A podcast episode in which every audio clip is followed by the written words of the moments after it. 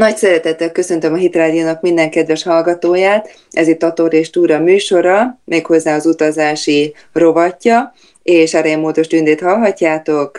A mai napon egy olyan témát szeretnék elővenni, ami, amihez azért azt hiszem, hogy hogy talán sokakban egy pozitív érzés, vagy nem is tudom, vagy lehet, hogy ilyen nagyon sok kérdést vett föl, ez Skócia, amiről sok mindent lehet hallani, akár skót vicceket, a skót duda, akkor a skót szoknya, nagyon-nagyon sok minden van, és úgy gondoltam, hogy ez egy olyan téma, amit, amit jó lenne egy kicsit így elővenni, mivel nekem is az egyik kedvenc területem, és úgy tudom, hogy Ági, Marcinek Gordon Ágnesnek idegenvezetőnek is szintén, úgyhogy sok szeretettel köszöntelek Ági, téged is. Szia Tünde, szép jó napot kívánok mindenkinek! Igen, valóban így van, az egyik vagy a legkedvesebb helyem, amit sokszor megpróbáltam megérteni, hogy miért, megmagyarázni magamnak is, racionálisan végig gondolni, nem találok rá magyarázatot, Skócia szívem csücske. Pont. Igen, valahogy én is így vagyok vele, hogy ha, ha Skóciában megyek, akkor mindig egy ilyen pozitív uh, élményem van, hogy fú, ott azért annyira szép tájakat lehet látni, kedvesek az emberek, hogy annyi minden érdekesség van, hogy, hogy tényleg egy olyan hely, ami, ami, ami nincs olyan nagyon messze, mégis azért, azért teljesen egy ilyen más világba kalandol, kaland, víz, víz el minket, úgyhogy tényleg ez, ez így igaz. Na akkor kicsit vágjunk is bele, hogy, hogy milyen is ez a Skócia. Hát a területét tekintve ugye nem olyan nagyon nagy, kisebb is, mint Magyarországnak a területe, olyan 60, 78.700 négyzetkilométer, és viszont eléggé tagolt, és, és a felszíne is teljesen más, mint Angliáé. Ugye Nagy-Britániának az északi részéről beszélünk, és mégis annyira különbözik Angliától. Igen, ehhez, hogy ezt, ezt megértsük, hogy miért elég messzire, tehát a földtörténetnek igencsak a kezdetére kell visszamennünk, amikor ugye még a kontinensek nem azok voltak, amik ma ide-oda vándoroltak, leegyszerűsítve a dolgokat, és az, amit mi most Skóciának nevezünk, az eredetileg Skandináviával és Észak-Amerikával tartozott egy csoportba, egy földrészre, tehát egy földrajzi egység volt, és ahogy a kontinensek vándoroltak, amit ma Skóciának nevezünk, az járt mindenhol volt, az egyenlítőtől délre is korábban, de alapvetően, hogyha ránézünk egy, egy geológiai térképre, akkor Skandinávia, Skócia és Észak-Amerika volt tulajdonképpen egy vonal. És hát ugye ed, a különbség az, az igazából ennek köszönhető, hogy aztán egy bizonyos pillanatban szépen összeütközött a mai Angliával, és így jött létre nagy-Britániának, illetve a brit szigetnek a területe, hiszen ugye ez a név, hogy brit, ez, ez ott elég sok helyütt előfordul a brit szigetek, ami több mint ezer szigetből áll, annak a főszigete a brit sziget, amely egyébként ugye Európának a legnagyobb kiterjedésű szigete, és még magát a brit szigetet is tudjuk különböző részekre osztani. Hát amikor tényleg az ember megy autóbusszal Anglia felől, és elér is Skóciát hogy tényleg megváltozik a táj. A hegyek is másabbak, az egésznek a tagoltsága más. Ugye így sokkal inkább ilyen igazi röghegységeket lehet látni, és valahogy az egész felszín is így megváltozik főleg, hogyha ha északabbra megyünk, tehát amikor még átlépünk ugye Angliából Skóciába, azért az az észak-angol, dél-skót táj, amit a skótok lowlandsnek neveznek, és mi előszeretettel fordítunk alföldnek, de nem az, inkább egy dombos vidékről van szó. Ez tényleg egy még nagyon bájos, szelíd, dombos tájról van szó, mezőgazdaság központja, tehát ott még egy viszonylag tényleg barátságos, kellemes éghajlata is található. Aztán ahogy megyünk észak felé, és elérjük ezt a Glasgow-Edinburgh vonalat, ugye Glasgow és Edinburgh a két legnagyobb város, illetve Glasgow a legnagyobb, Edinburgh pedig Skóciának a fővárosa. Ez egy síkabb, sokkal népesebb iparosodottabb terület is, tehát ez nagyon ha úgy veszük, hogy amit elgondolunk Skóciáról, annyira nem illik bele a skót tájba.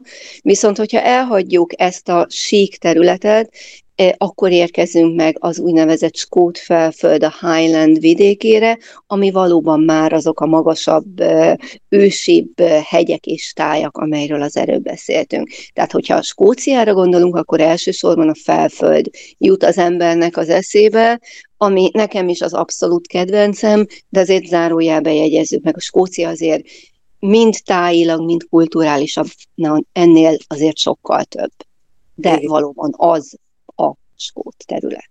Igen, és hát ugye ott vannak ugye a szigetei is, ott a nyugati részen, úgy tudom, hogy Skóciához olyan 800 sziget tartozik hozzá, jó végül is ezek nem lakott szigetek, de hát azért ennek a tagoltság is ott teljesen más, ott a nyugati résznek, és, és hát ott a természet is megint, hogy kibontakozik, hogy tényleg ott azért a bálnáktól kezdve fókákig mindenféle állatokat lehet látni gyakorlatilag igen, hogyha az embernek szerencséje van, és tényleg hajóval ki tud menni, akkor lehetnek, lehet szerencséje. Tehát bálnák, fókák, különféle vízimadarak láthatók egy-egy ilyen programon. Ehhez érdemesebb valamelyik szigetről indulni, tehát a nyugati, északi partok mentén közelében végig-végig, ahogy említette, több mint 800 sziget tartozik Skóciához. Ezeknek egy kis töredéke lakott egyébként. Ha megnézzünk egy-egy időjárás jelentést, hogy mi található azokon a szigeteken, akkor én még azon is elcsodálkozom, hogy ennyi lakott, de valóban nagyon különleges táj, és ennek következtében és, és hát ugye, ahogy említettük, hogy azért itt a természet azért, azért elég domináns, és hát ott az északi részen, ahogy mondtad itt a Highlands-en ott is, ami nekem nagyon tetszik, hogy nagyon sok bárányt lehet látni. Bármerre megy az ember, szinte ott vannak a bárányok, illetve ezek a nagyszőrös, hosszú szőrű felföldi marhák ott vannak, és hát ez érdekes, mert tényleg a, a lakosságnak a száma az nem éri el a, a marháknak vagy a bárányoknak a számát, hiszen több mint 7 millió bárány van ugye Skóciában, és a lakosságát tekintve pedig 5,5 millió lakosa van ennek az egész területnek. Ugye, hogyha azt veszük, hogy területében nem sokkal kisebb Skócia Magyarországtól, mégis a, a lakosait véve viszont majdnem, hogy fele annyian vannak, mint amennyien mi magyarok. Hát körülbelül a felföldön lehet olyan területeket találni, hogy ilyen 5 négyzetkilométerenként egy lakos hogyha Igen. így elosztjuk, tehát egészen ritkán lakott részek vannak. Ennek van történelmi magyarázata is, ami egyébként összekapcsolható ráadásul a birkákkal is, mert a 18. században, amikor a földesek rájöttek arra, hogy a birka az azért lényegesen kifizetődőbb, mint a parasztoknak bérbe adni a földet, akik nyomorúságosan nagy nehezen kitermelnek valamit belőle, és ugye abból próbálnak adózni, hát akkor történt meg az, hogy inkább rábírták az embereket, hogy vándoroljanak ki Amerikába, és a helyükre birkákat telepítettek, tehát ez az eltolódott ember-birka arány, ez, ez egy több száz éves történet, de van rá magyarázat. Hát igen, mert ugye rengetegen kivándoroltak Egyesült Államokba, Kanadába, Ausztráliába. Úgy tudom, hogy több mint 25 millió skót lakik tulajdonképpen Skócián kívül, tehát tényleg nagyon sok helyen meg lehet találni őket, és, és hát ők, mikor itt Magyarországon megjelennek sokszor, ugye hozzák a kis skótkockás sapkát, vagy sálat, vagy bármit, és azért meg lehet ismerni őket, hogy azért ők skótok, annak ellenére, hogy ugye már rég nem Skóciában laknak laknak ők. Ez egy, ez egy fantasztikus dolog, én nagyon-nagyon tisztelem őket ezért. Ugye Skóta világ második legnagyobb diaszpórája, tehát ahogy mondta, tényleg sokkal-sokkal többen élnek Skócián kívül, mint Skóciában, és tartják a hagyományaikat, tartják a gyökereiket. Ebből egyébként Skóciának a turizmusa rengeteget profitál, hiszen évről évre mennek vissza, és keresik a családi gyökereket, hagyományokat, a tengeren túlon élők is, és számon tartják azt, hogy Skócia mely részéről vándorolt ki a család, illetve ami még fontosabb, hogy Skócia mely klánjához tartoznak.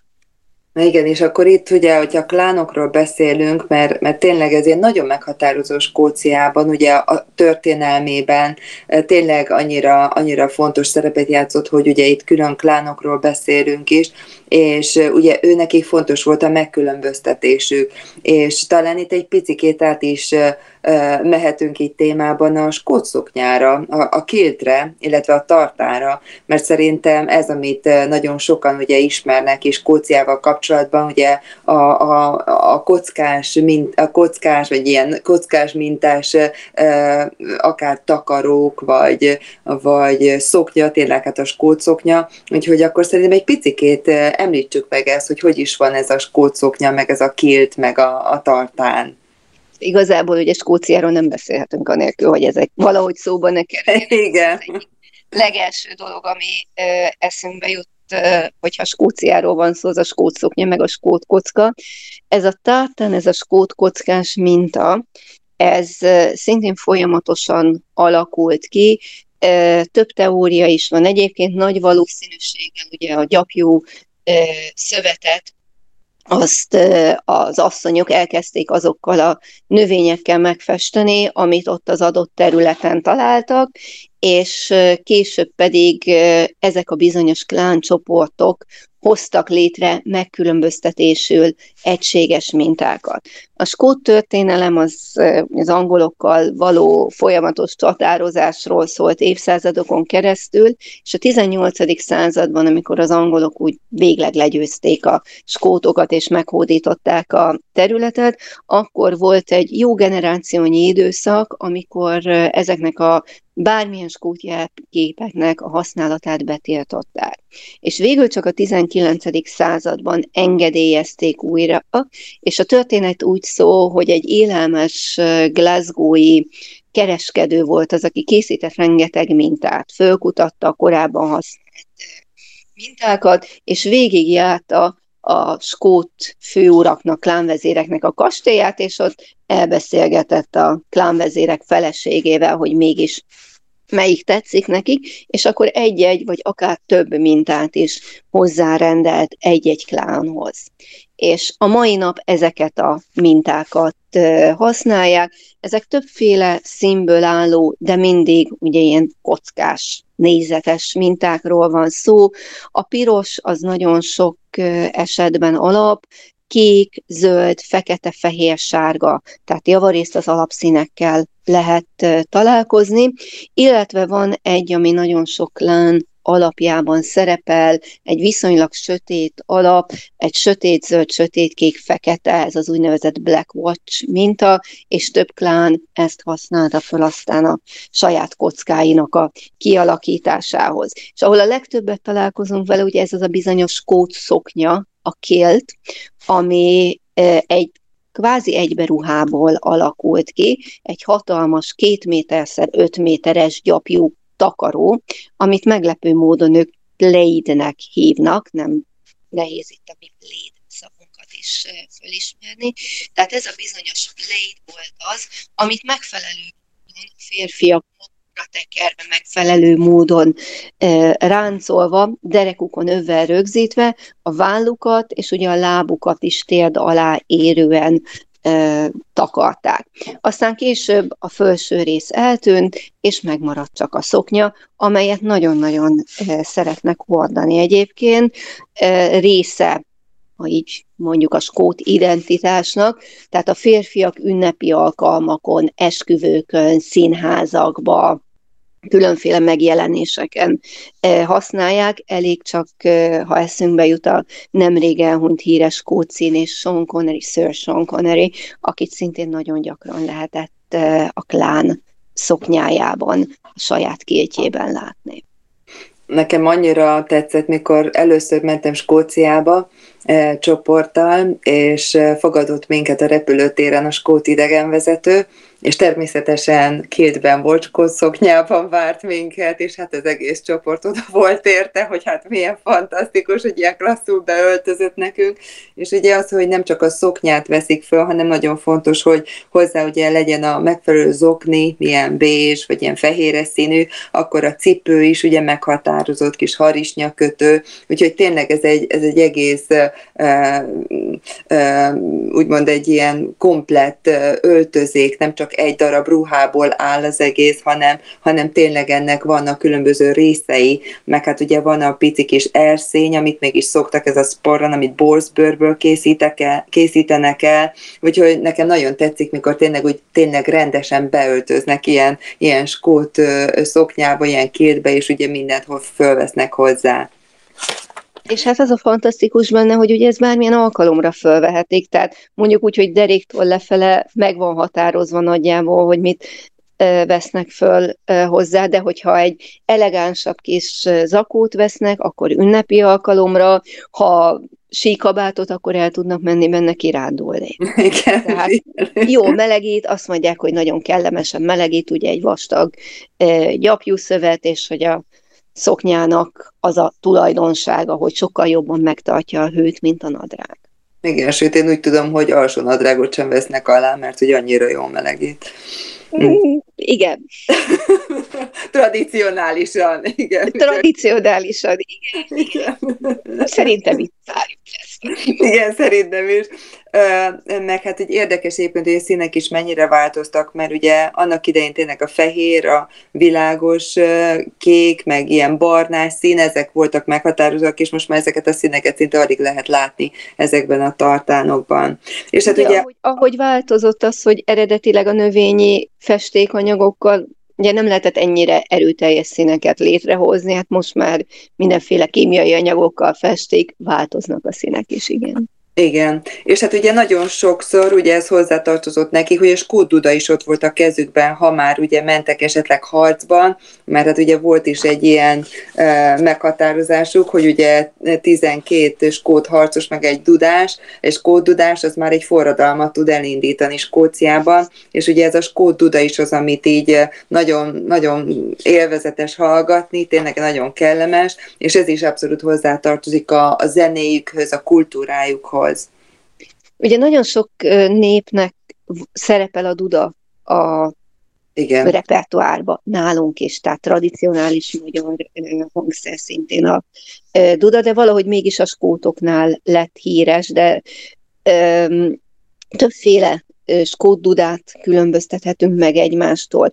Az egyik, amit említettél, ez a bizonyos hadba hívó skót duda, ez egy nagyobb méretű, sokkal zengőbb hangú, kifejezetten dobhátja, szaggató hangerővel tud szólni egy-egy ilyen skót duda, és annyira része volt, sőt van a skót hadviselésnek, hogy skót hadsereg, skót duda nélkül nem vonult uh, hadba.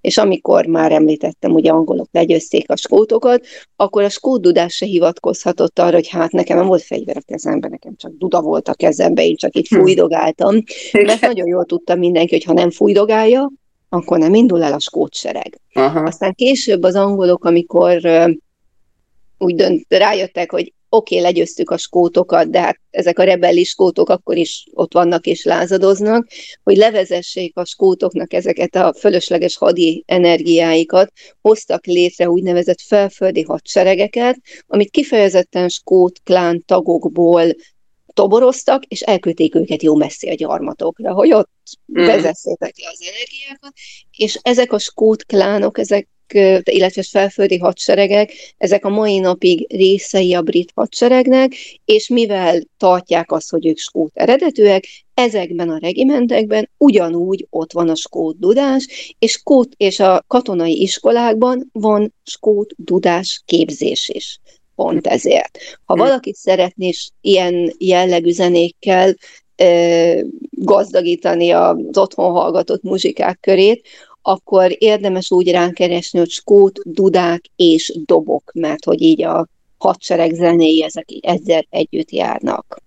Tehát ez a, ez a zenei, vagy ez a uh-huh. és akkor van egy kisebb méretű skót duda, amelyet kifejezetten mulatságokon használtak, ez nagyon sokszor a hegedűvel együtt. Tehát nagy duda, meg a dob, hadseregés, kis duda, meg a hegedű, az meg a szórakozásé. Mm. Úgy tudom, hogy második Erzsébet királynő is minden reggel skóddudára ébred, hogy ott van a skóddudás az erkéje vagy az ablaka alatt, és minden reggel ezt kicsit így megzendíti ezt a skóddudát, és erre ébredezik a királynő is. Ez olyankor történik meg, amikor Skóciában tartózkodik, mert hogy a, az uralkodónak ugye több hivatalos, meg magánrezidenciája is van. A hivatalos uralkodói rezidencia az Edinburghban található a királyi palota, Harry House palota.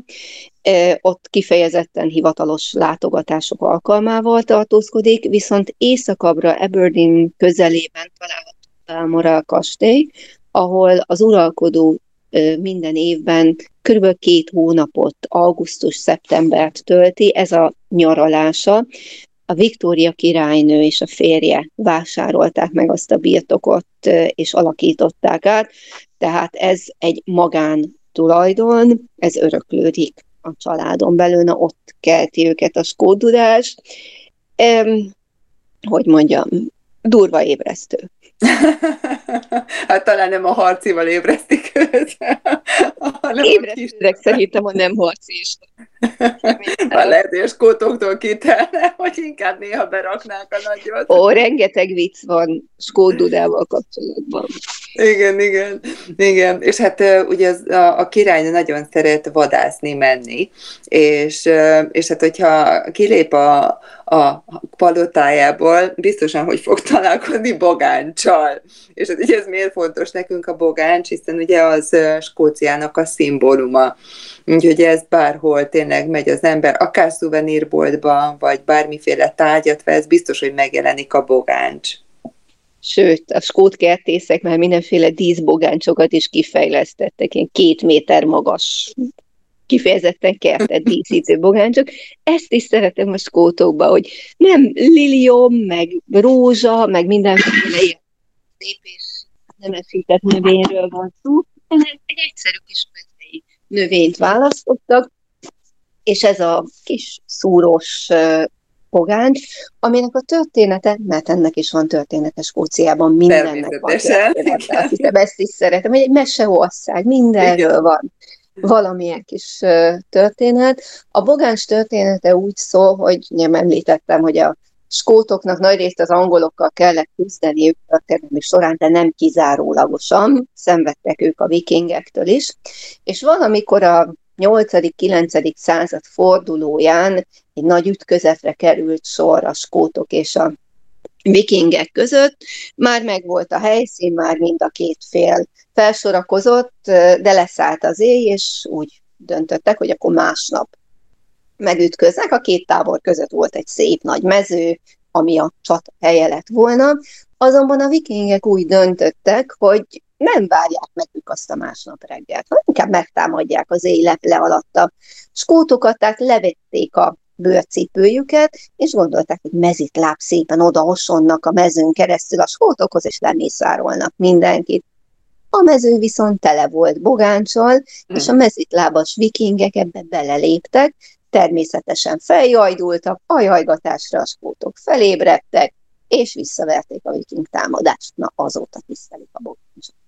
Igen, ahogy mondta tényleg, hogy annyi minden történet van náluk mindennel kapcsolatban, és hát ugye ez a bogáncs az, ami tényleg mindenhol megjelenik, a másik szerintem, amit tényleg mindenhol lehet látni, a zászlójukat.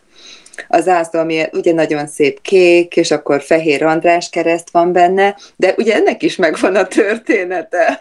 Minek nincsen története Skóciában. Ez egy picit korábbi, tehát ez egy 8. század közepére teszik a zászlónak a kialakulását, és Skóciának egyébként a védőszentje, az Szent András. A története pedig úgy szó, ugye Szent Andrást szintén keresztre feszítették, csak hogy nem a ö, hagyományos álló keresztre, hanem erre az ö, X átlós ö, keresztre feszítették, és a történet pedig úgy szól, hogy akkor a észak-angliaiak ellen készültek éppen egy ütközetre a skótok, és hát eléggé rettegtek, mert hát túlerőben voltak az angolok. A király az lefekvés előtt imádkozott, addigra már néhány száz éve keresztények voltak a skótok is, imádkozott lefekvés előtt a győzelemért, álmában pedig megjelent Szent András. És amikor másnap reggel fölébredt, akkor gyönyörű napsütéses, kék egű napra ébredt, ami viszonylag ritka egyébként Skóciában, Igen. de ragyogott a nap a kék égen, kettő darab felhő volt csak, fe, két gyönyörű fehér felhő, amelyek átlósan metszették egymást az égen. Ugye az átlós kereszt a Szent Andrásnak az attribútuma, tehát hallott, rájött arra, hogy Szent András meghallgott, és valóban legyőzték a az észak-angliaiakat, és onnantól kezdve kezdték el Szent Andrást védőszentként tisztelni, illetve a kék alapon eredetileg ezüst, később fehér átlós keresztet pedig szimbólumként választották. Egyébként ez az ászló ez önmagában is nagyon-nagyon sok helyen kint van Skóciában, nagyon büszkék a skótságokra, és ott van egyébként az ország zászlajában is, tehát az úgynevezett Union Jacknek, az Egyesült Királyságnak a zászlajának, és ez az alapja. És hát ugye Szent András, hogyha így megemlítjük, tulajdonképpen így több témát is hozzá tudunk kapcsolni. Az egyik szerintem, ami fontos, a Szent Andrews, ugye ez ugye angolul Szent Andrást jelent, és ez egy város Skóciában, méghozzá így több minden érdekesség is van, ugye az egyetem, ami nagyon fontos, hiszen ugye Kate és William, ugye a Cambridge-i herceg és a hercegnő ugye itt ismerkedtek meg az egyetemen, illetve a golfnak az otthona, és a Home of Golfnak is szokták nevezni St. Andrews-t. Igen, egy, nekem az egyik kedvenc városom egyébként St. Andrews. Én is szeretem. Uh-huh. Annyira, annyi nagy, egy nagyon-nagyon hangulatos kisváros a Skót Szentendre egyébként, magyarintani akarják.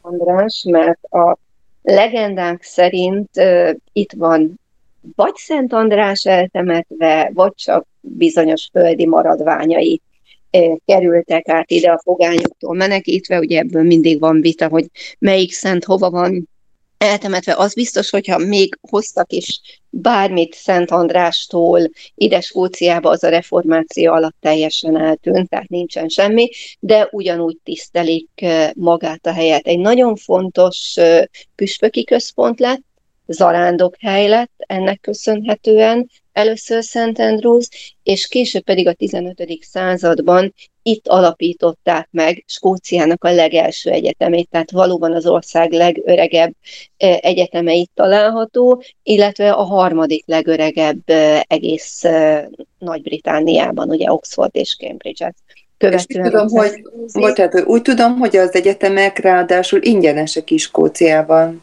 Igen, egy más rendszer szerint működnek, mint az angol egyetemek. Pont ezért egyébként nagyon sok magyar diák is található ott, mert hogy legalábbis eddig így volt, hogy az Európai Unióból sokkal kedvezőbben lehetett a skót egyetemekre bejutni, meg ott lenni, mint az angolokra.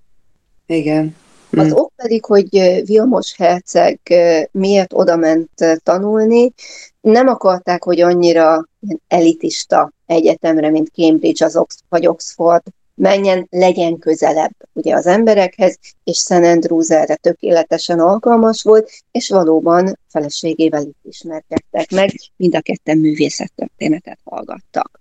És említetted még a golfot, Igen. ami valóban a golf őshazájának is tekintik St. andrews Úgy az őshazája, hogy vannak régebbi pályák, mint a St. andrews pálya, de azok a szabályok, amelyek szerint most a golfot játszák, azok itt St. Andrewsban alakultak ki, és itt található a legrégebbi golfpálya ezen szabályok szerint. De emlékszel a Tűzszekerek című filmre? Igen. Uh-huh én nagyon szeretem meg a zenét is, szintén St. Andrewsba vették fel a kezdő jelenet, amikor a futók futnak a tengerparton. Aha. Azt is St. Andrewsban uh-huh. vették fel, és azok a futók, akik ott futnak, azok állítólag nem is futók voltak, hanem golfozók. ha futottak a golf, golflabda után. és, és hát tényleg az, hogy a golf onnan indult el, rengeteg golfpálya is van Skóciában, úgy tudom, hogy több mint 500 pálya van, tehát mindenkinek elérhető a golf. Tényleg egy, nem lehet azt mondani, hogy egy elit sport, hanem, hanem tényleg bárki, bárki mert, mert közel is van, és hát az árakban is abszolút mértékben elérhető az az jó benne, hogy lehet elit is, meg nem elit is. Tehát valóban elérhető mindenki számára, de bizony vannak azért olyan golfpályák, golfklubok, ahova minimum két régebbi tagnak az ajánlása szükséges, hogy az ember egyáltalán betehesse a lábát. És ez érdekes ugye, hogy a golf tényleg ide kapcsolódik, és van egy érdekes sportjuk, ez a Shinti, vagy Shinti, nem tudom, hogy a skótok ezt hogyan ejték, hogy a Írországban ez a hurling, és, és hát úgy tudom, hogy a golf és a jéghoki is például ebből alakult ki. Meg a gyeplabda is, meg tömegverekedés. Azt mondják, hogy ez a világ egyik leggyorsabb labdajátéka. A, igen, a ear hurling és a skót shinty, az közeli rokonságban egy, állnak egymással, ezt nyaranta szokták játszani, és valóban egy ilyen gyeplabda, hoki keveréke nagyjából. És Ebből bajnokságok is vannak, sőt, hogyha más sportok, meg a nyár, akkor szerintem megemlíthetjük még a feljátékokat is. Melyiket? Ami egy ilyen hagyományőrző kulturális és sportsorozat. Ezt azért találták ki a skótok réges-régen, mert tilos volt nekik fegyverrel gyakorlatozni, meg fegyvert birtokolni, de hogy azért mégis legyen valami, fegyvernek nem minősülő tárgyad, kövekkel, kalapácsokkal, gerejekkel sportoltak. Ennek mi a neve? Ezek a felföldi játékok. A ja, a felföldi játékok, csak nem, aha, nem hallottam, hogy mit mondta. A felföldi játékok. Igen, igen. Meg hát szerintem a foci, ami, ami tényleg hozzá kapcsolódik. Én nem olyan régen néztem egy filmet, és én, én ledöbbentem, hogy a, a focinak a kialakításában, tehát hogy ilyen uh, stílusban, tehát ilyen tényleg igazi csapatjáték lett a fociból, az is két skótnak köszönhető. Uh, tehát, hogy még őnekik is ugye ehhez közük volt, és, és hát ugye szeretik is a fotbalt a, a, a, a skótok. Nagyon szeretik, igen. Ugye a foci is egy olyan, ami, ami a brit gyarmatosítóknak köszönhetően terjedt el a világban a 19. század végén, abban a formában, ahogy most játszunk, és valóban, tehát ezek között a brit gyarmatosítók között ugye skótok is voltak. A két legismertebb csapat mind a kettő Glasgowhoz köthető, a Rangers, illetve a Celtic csapata. Mm. Uh-huh, uh-huh. És ugye hogy többször emlegetjük azt, hogy hát az angolokkal ugye harcoltak, meg mindenféle konfliktusban álltak, és hát ugye még a mai napig is ezt el lehet mondani, hogy hát a skótok nem annyira szeretik az angolokat. Én volt, mikor egy családdal beszélgettem, mikor ott szálltunk meg így diákokkal, és, és hát azért annyira kijött, hogy tehát bármi, ami Angliából származik, az nem jó. Hogy egy kicsit szerintem említsük meg, hogy miért van ez a konfliktus közöttük, hogy miért, miért van ez az ellenségesség. Egy darab sziget jöttek tőjüknek megosztozniuk.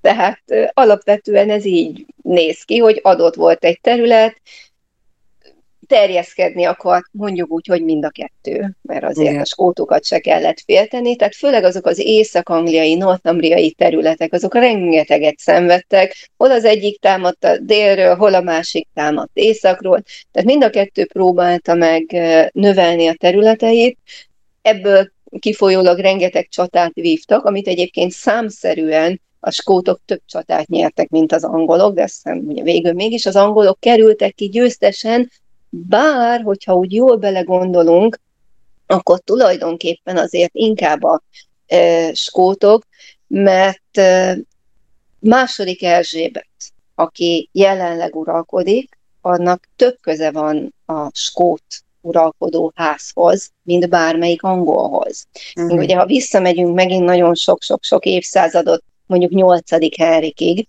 akinek hiába volt hat felesége, mindössze három gyermeke volt, és egyiktől sem született tovább jutott, tehát nyolcadik Henrikkel ugye kihalt a a 8. Henrik után első Erzsébettel kihalt a Tudorház. Viszont két generációval korábban az angol meg a skót uralkodó ház között köttetett egy házasság, ami ellenségeskedés ide vagy oda, ez egy bevett gyakorlat volt, hogy ide-oda házasodtak egymás között. Tehát 8. Henriknek a nővére ment feleségül az egyik skót királyhoz, negyedik Jakabhoz, és abból a házasságból viszont születtek gyerekek. De mivel királyi házasság volt, ezért ők kötöttek egy házassági szerződést, ami kimondta azt, hogyha valamelyik uralkodó pár gyermektelenül hal meg, valamelyik uralkodóház kihal, akkor jön és a másik uralkodik abban az országban is. Ez a magyar történelemben is előfordult, és ugye amikor első Erzsébet 8. Henrik harmadik gyermeke akkor nem volt uralkodója Angliának, nem volt törvényes örökös, és ezzel, ennek a házassági szerződésnek a kapcsán behívták az előbb emlegetett negyedik Jakabnak a dédunokáját, hatodik Jakabot, uh-huh. és ő lett Anglia királya, és ennek a hatodik Jakabnak nem menjünk bele nagyon a történelembe, mert erről tényleg órákat tudnék Persze. mesélni. Végül ezeket a Stuartokat is eltávolították részben, de egy oldalági rokon családot hívtak be, és annak a leszármazottja második elsőben. Uh-huh. Uh-huh. Meg hát azért, azért ami, amire például így valamennyire szerintem büszkék is a skótok, hogy ők kelta leszármazottak, és hát így a, az írekkel valahol így szerintem szorosabb is a kapcsolat, mert még inkább testvéreknek érzik talán.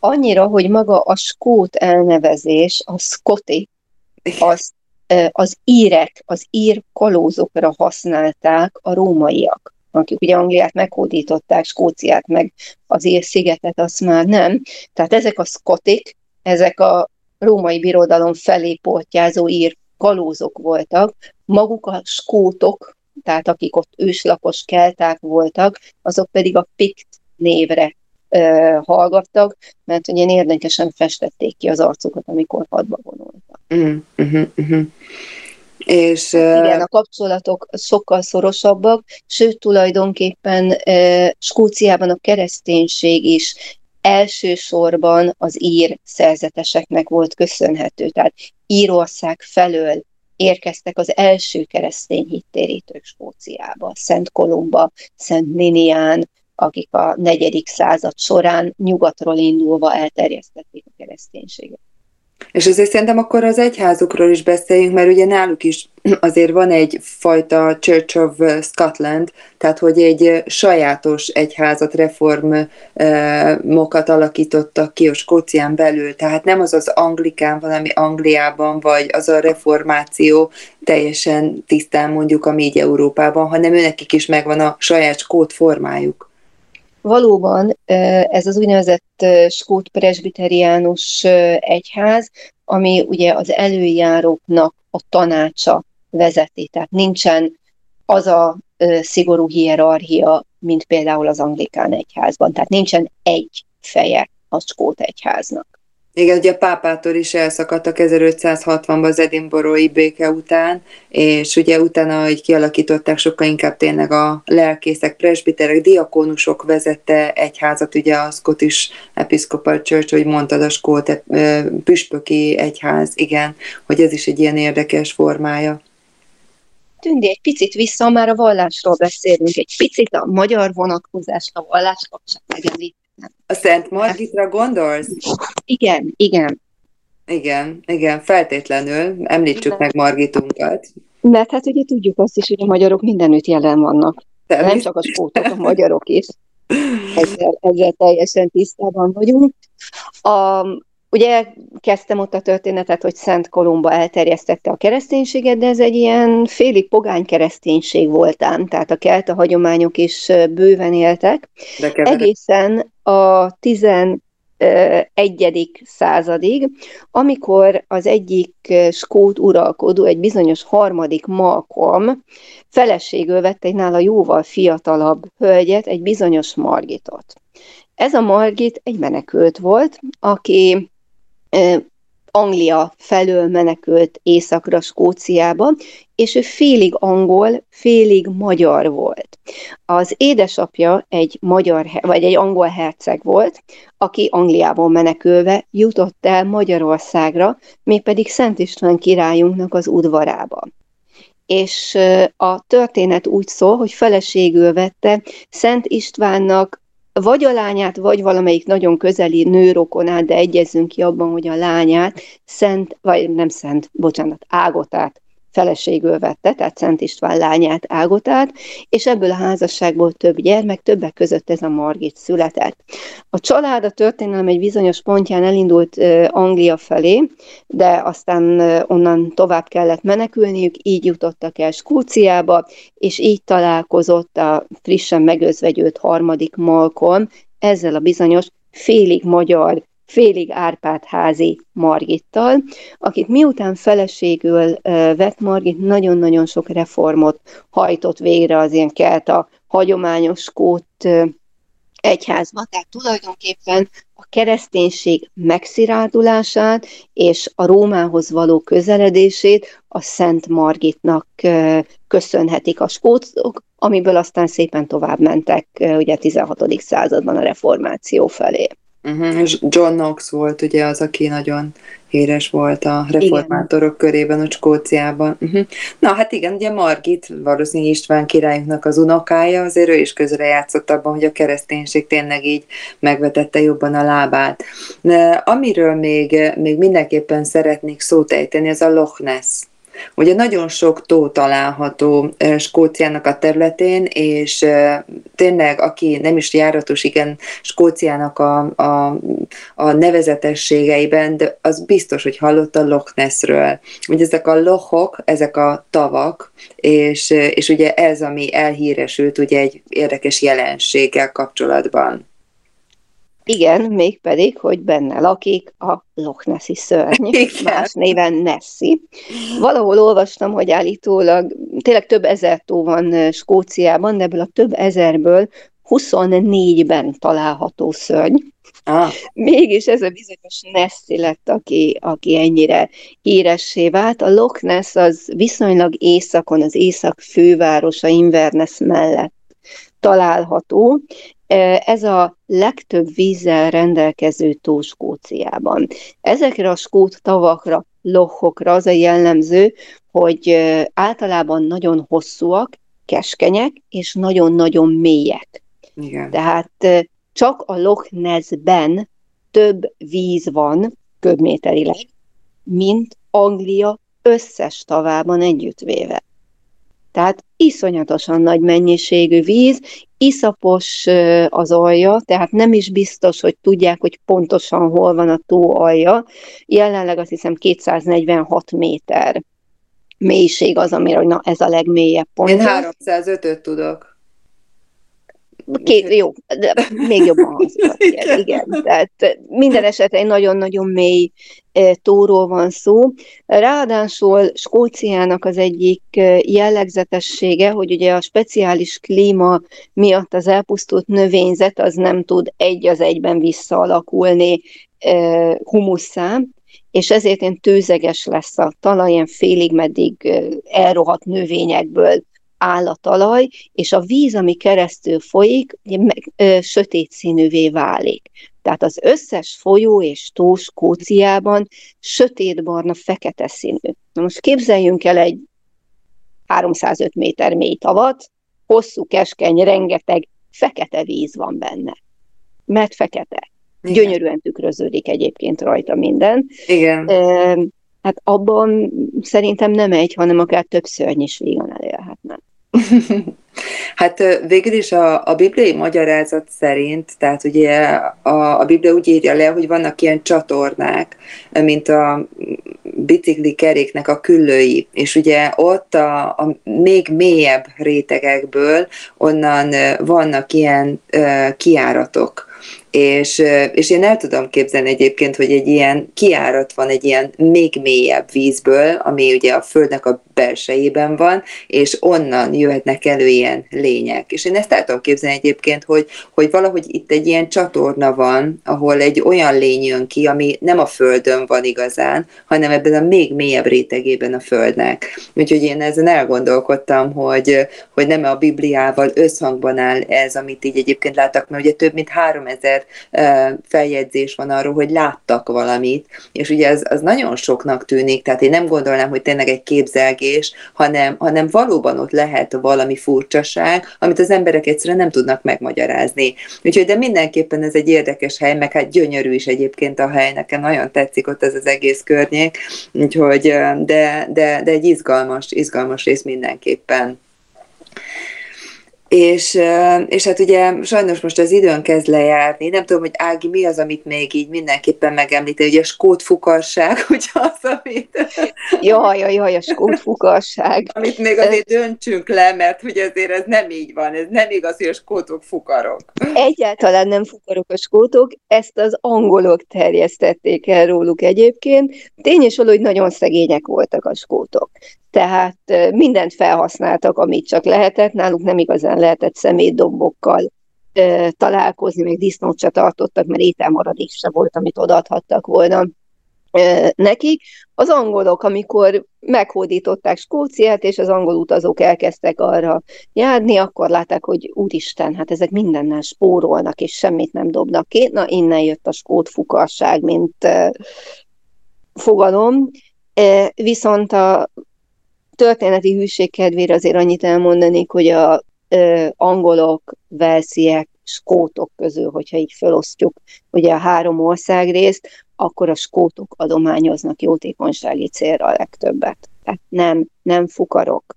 Semmivel nem fukarok. Ha ott jár az ember, nagyon segítőkészek, adnak, ajándékot, tehát nekem személyes történeteim vannak arról, hogy, hogy tényleg, tessék, itt van, vidd el, persze, fogd meg.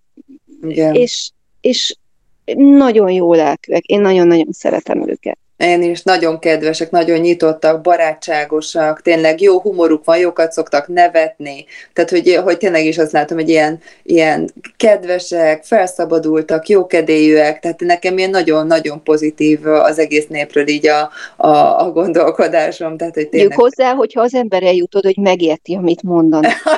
Mert azért a skót akcentus az az igen. még egy érdekes dolog. Igen, igen, pont most nemrég láttam egy ilyen kis bejátszás, mikor egy liftben próbálkoznak így a hangzamondás után, és a 11. emelet egyszerűen nem jött össze nekik, úgyhogy szenzációs tényleg, hogy, hogy hát, hogyha a filmeket is nézünk esetleg, és kótul beszélnek, hát nagyon oda kell figyelnünk, hogy megértsük őket.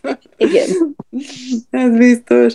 Na, hát remélem, hogy kedvet adtunk a kedves hallgatóknak, hogy majd, hogy hogyha egyszer esetleg lehetséges, akkor majd menjenek el Skóciába, mert, eh, mert tényleg szerintem egy nagyon különleges, nagyon-nagyon szép hely. Ugye a, ezek a kis öblök is, a, a hegyek, a Glencoe, nekem a kedvencem, látványilag ugye ezek a régi röghegységek, meg, meg, meg tényleg a, a bárányokkal, a, a, És a kastélyokról még nem is beszéltünk. A kastélyok, a várak, igen, hát azok is még ott vannak, úgyhogy is rengeteg tényleg szép parkkal a várak körül, úgyhogy szerintem tényleg egy olyan hely, amit, amit, amit tényleg bátran ajánlhatunk bárkinek, mert szerintem mindenki szinte bele fog szeretni ebbe a területbe, mert tényleg olyan, és tényleg a zenéje, ahogy beszéltünk róla, akkor a, az öltözék, egy ilyen kockás, akár mi kis tárgyat, hogyha veszünk magunknak, az is egy olyan jó kis emlék, úgyhogy szerintem mindenképpen érdemes majd, majd elmenni, de hát az is jó, hogyha gondolkodunk róla és beszélgetünk róla,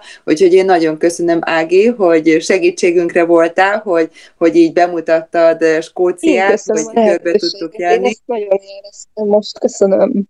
Én, is nagyon köszönöm, hogy segítettél, és akkor minden jót kívánunk a hallgatóknak, és akkor legközelebb találkozunk. Sziasztok! Találásra!